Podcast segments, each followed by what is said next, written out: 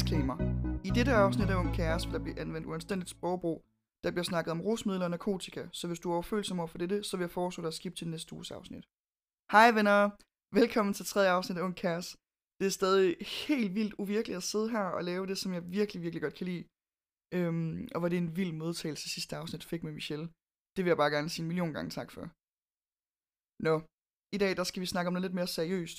Vi går all in på det lidt mere alvorlige emne. Vi skal nemlig snakke om misbrug. Så hvis du er lidt sensitiv i forhold til misbrug, eller bare ikke gider at høre på det, så lyt med i næste uge. Vi starter hårdt ud i dag. Øhm, tanken om at skulle sidde åben omkring og, eller ja, snakke om mit tidligere misbrug, det er vildt grænseoverskridende.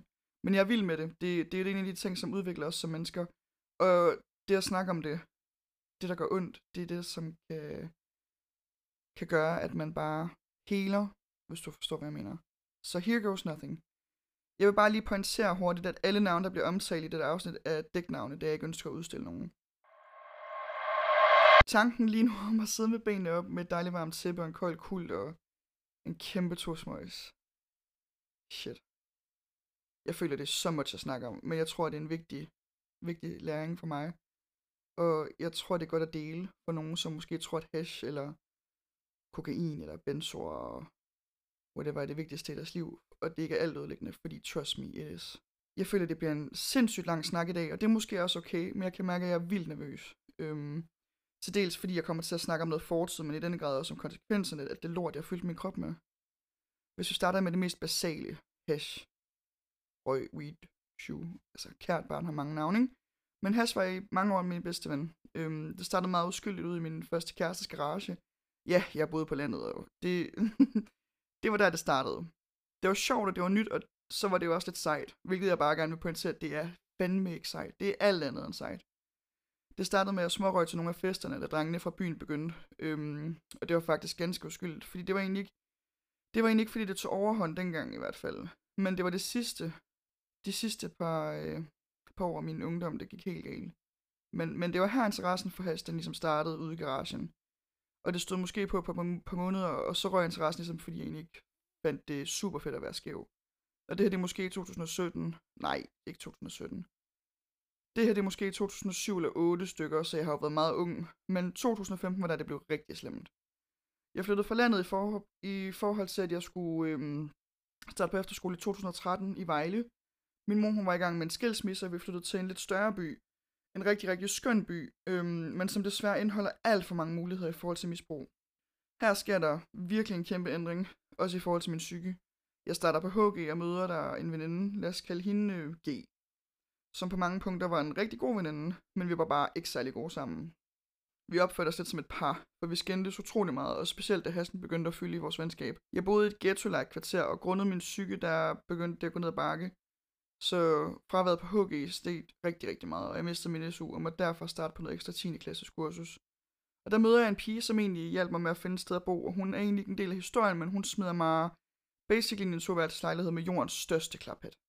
Og jeg er så ked af at snakke sådan om andre, men det, det er, hvad han var, en klaphat. Lad os kalde ham Karsten.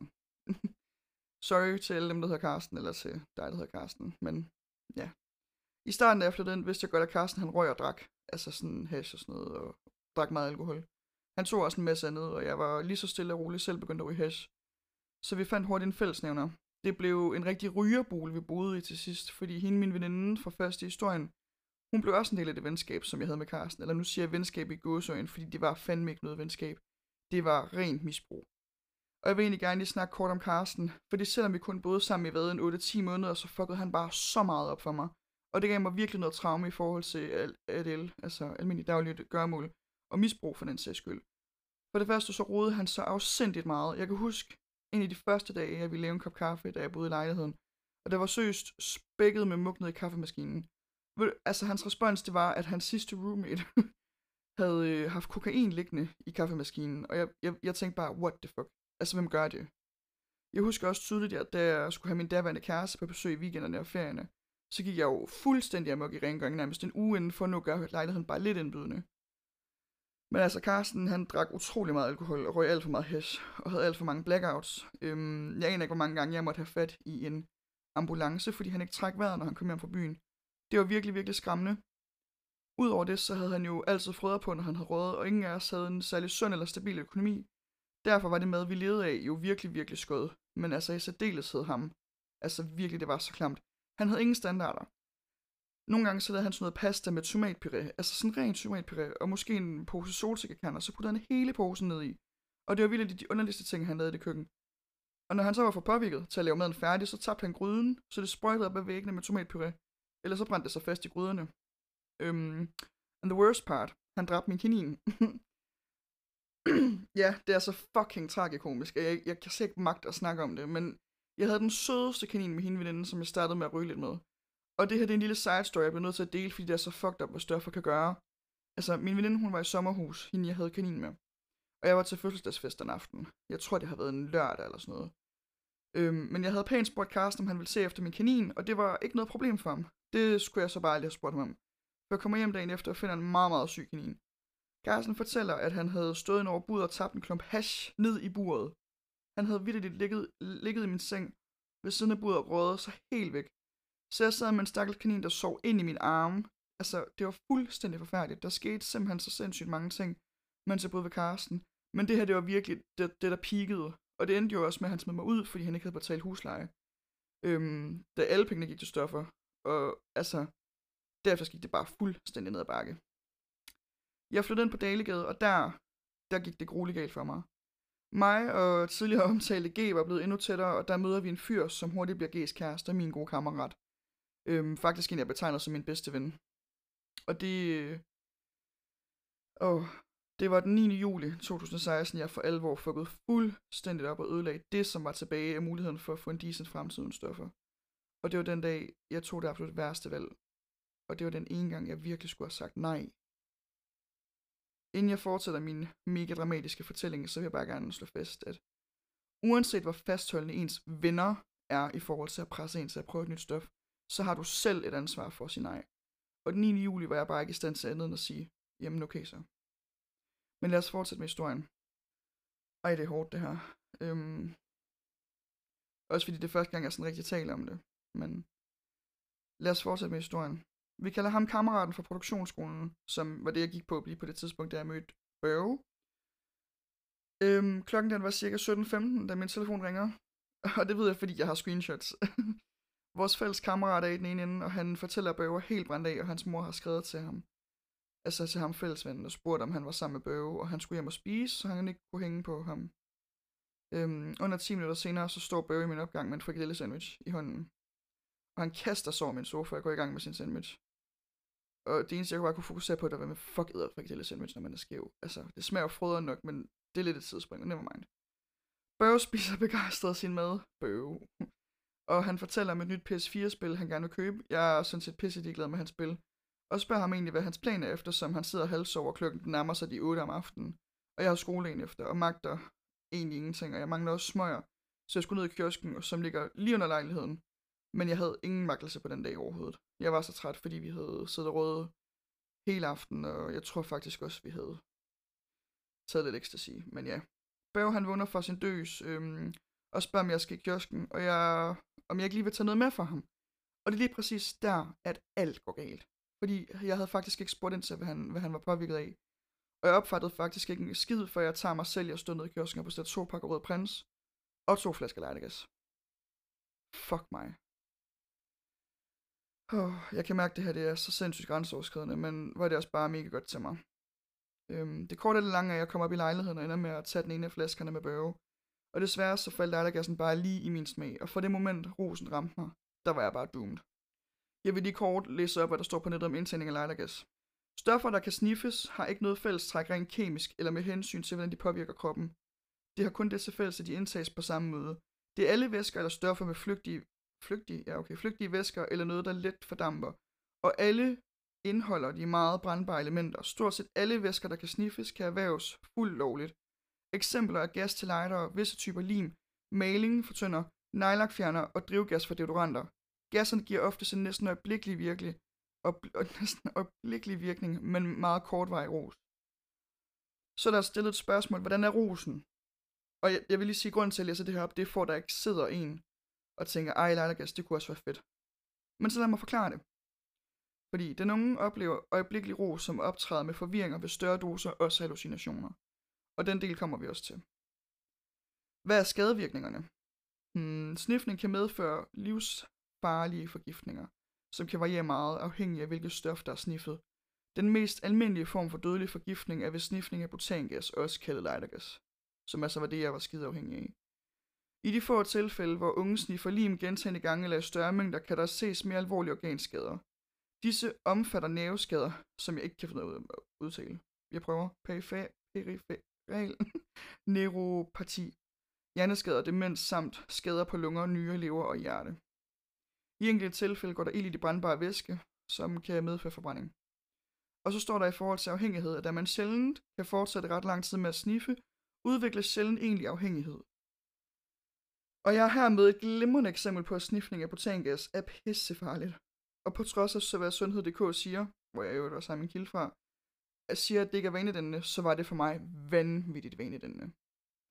Og efter Børge han smuttede, for lige at vende tilbage til historien klokken cirka halv om natten, der sad jeg og overvejede, om jeg skulle suge den anden flaske. Jeg husker, altså, han ramte sådan nogle regler op for brug af lightergas. Og det var noget med et vist antal sekunder, man, må, man måtte sådan suge det på, og måden man tog det på. Og da Børge tog det, hvad var det, en halv flaske, så gik jeg all in bagefter. Jeg tog en hel flaske, alene den aften. Og jeg kom selvfølgelig ikke op i skoledagen efter. Faktisk så gik jeg direkte i nattøj ned i kiosken og købte to flasker mere, og derfra er det jo ikke svært at regne ud, hvordan det gik i efterfølgende uger. Øhm, historien den ender ret barskt. Jeg ender med et intenst misbrug af butangas, som straks over en periode på fire måneder, hvor jeg var i en nærmest konstant rus. Den ene flaske, den tog sig selv, og jeg var helt op på at bruge sig fire flasker om dagen. Og det er rigtig meget. Selv for en heavy misbruger. Jeg bliver smidt ud af min uddannelse. Jeg betaler ikke husleje, fordi jeg bruger vidderligt 8.000 kroner i måneden på stoffer. Og den 20. oktober, det var da jeg fik nok. Jeg havde lagt en plan. Jeg vidste, at jeg stod til at miste min lejlighed. Jeg stod til at ryge SU. Jeg kunne ikke mere. Jeg kunne ikke længere lyve over for min daværende kæreste. Jeg var så langt ude. Så planen den var lagt. Og det var egentlig ikke meningen, det vi skulle snakke om, men nu fortæller jeg bare, hvordan det var. Øhm, jeg planlagde, at det skulle være der den 20. oktober, men min mor hun reddede min røv, og hun hentede mig og kørte mig derefter på syg for første gang. Øhm, jeg husker faktisk hver en hallucination, som jeg oplevede på Botengas eller Leidegas. Det er fuldstændig skræmmende. Altså, det er så sindssygt skræmmende, at det har været så kraftigt og intenst, at jeg stadig, cirka syv år efter, kan huske, hvordan det er. Og hvordan der ud af ingenting en aften, jeg lå i min seng, der formede der sig sådan en tegneseriefigur, der forestiller en dreng med en kasket på i min seng, og han blev med at tænde musikken på min telefon. Øhm, jeg husker også, hvordan her, at jeg tyssede på den her dreng, fordi han blev ved med at trykke på lydløsknappen på min telefon, og jeg havde min ekskæreste liggende i telefonen, hvor øh, hun sov. Og han blev ved med at tænde og slukke for lydløsknappen, så jeg kunne søst høre, at hun vågnede og reagerede på, at der var musik i baggrunden, men jeg sig til at sove igen, fordi jeg skyndte mig at trykke på lydløs. Men jeg, jeg, jeg, jeg kan stadig huske, hvordan at knappen, den, den lyste. Jeg ved ikke til jer, der har en iPhone. Du ved godt, hvordan det ser ud, når du trykker på lydløsknappen, så blinker den op. Og når du slukker for den, så er den bare grå. Men jeg, jeg, jeg ved godt, at det var en hallucination, men jeg kan stadig vildt huske det. Jeg kan ikke huske andet, end at det er det, der skete. Og jeg ved jo godt inderst inde, at der var ikke nogen, der gjorde det. Men jeg har stadig visionen for mig. Altså, jeg husker det hele så tydeligt. Øhm, jeg havde også en hel flok venner i mit eget lille lightergas-univers. Der var blandt andet en gul, gul larve ting, som kunne finde på at kravle ind over bordet, når vi sad og spiste. Og når jeg siger spise, så var det med alle de her fantasivand, og det var jo en kæmpe hallucination. Men jeg tog så meget på en gang, at min ros den var dobbelt så kraftig, og jeg husker vidderligt alt. Der plejede altid at gå ild i mig. Det er bare en metafor end en realitet, altså mere en metafor end en realitet. Men i mine hallucinationer, så gik der altså ild i mig. Og når jeg nåede langt nok ud, så besvimede jeg faktisk rigtig ofte, når jeg var godt i gang. Jeg brugte også et udtryk som, har du tabt flasken? Det var da jeg havde fået nok, og jeg besvimede, og min krop sagde stop. Og jeg blev faktisk indlagt på psyk i forbindelse med, at jeg blev så psykotisk i mit misbrug. Og jeg husker en aften, hvor jeg sad på min, på min stue på, på psykiatrisk afdeling, med to flasker lejlegas, som jeg havde købt i kiosken ved sygehuset. Sidste, de sidste to havde jeg købt. Og husker, hvor pist jeg var over, at jeg kun kunne skaffe to, for så ville rosen jo ikke vare lige så længe, som det jeg var vant til. Men jeg havde også besluttet mig for den aften, kan jeg huske, at det var sidste gang. Og det var det også i, i en rigtig god stykke tid. Øhm, derfor synes jeg, det var en pissegod idé at optage mit trip på min computer. Og det var det også, hvis jeg, hvis jeg ikke havde gjort det, så havde jeg nok været død. Optagelsen den var cirka 47 minutter, og jeg har faktisk lige set den igen. Og fuck mig, det er nok noget af det mest skræmmende, jeg nogensinde har set. Jeg besvimer op til flere gange. Jeg savler ned af mig selv, snakket ud i luften, formentlig til mine fantasivenner. Jeg kan huske, at jeg siger, ej, men Gedin, det er jo bare, fordi jeg elsker dig. Jeg, altså, hvad fanden, jeg bliver lukket ind i en kiste af en flagermus, som er vampyr, og jeg kæmper for at komme ud, og det er så der, jeg får en, jeg er ved at få en OD, altså en overdose. Og i det sekund, jeg bliver lukket ind i kisen, der suger jeg i hvert fald over halvandet minut. Og der kan min krop bare ikke holdes mere. For jeg taber flasken og besvimer, og der går lang tid, før jeg vågner. Jeg tror, at det, da jeg så den her optagelse, der var jeg helt sudfærdig. Eller det tror jeg ikke. Jeg ved, jeg var helt sudfærdig. Og da jeg ser mig selv sidde der i stolen helt væk, det... Ja, jeg hallucinerer laven, den taler til mig, og siger, at jeg skal overleve, og tror, ja, så tror jeg, at det er det øjeblik, at jeg er ved at dø, faktisk. Ja. Heldigvis så ringer min veninde på FaceTime, og min computer den stopper optagelsen og blinker, fordi den var gået på Voglus. Derfor så vågner jeg og smider lejlighedsgassen ud af vinduet og ned i en busk. Heldigvis nåede det, fordi at øh, 5 minutter senere, der kommer der en sygeplejerske ind til mig. Jeg havde jo været væk i næsten en time, så det er jo klart, at de blev bekymrede. Øhm, og der havde jeg faktisk kun taget en halv flaske. Ej, en hel flaske.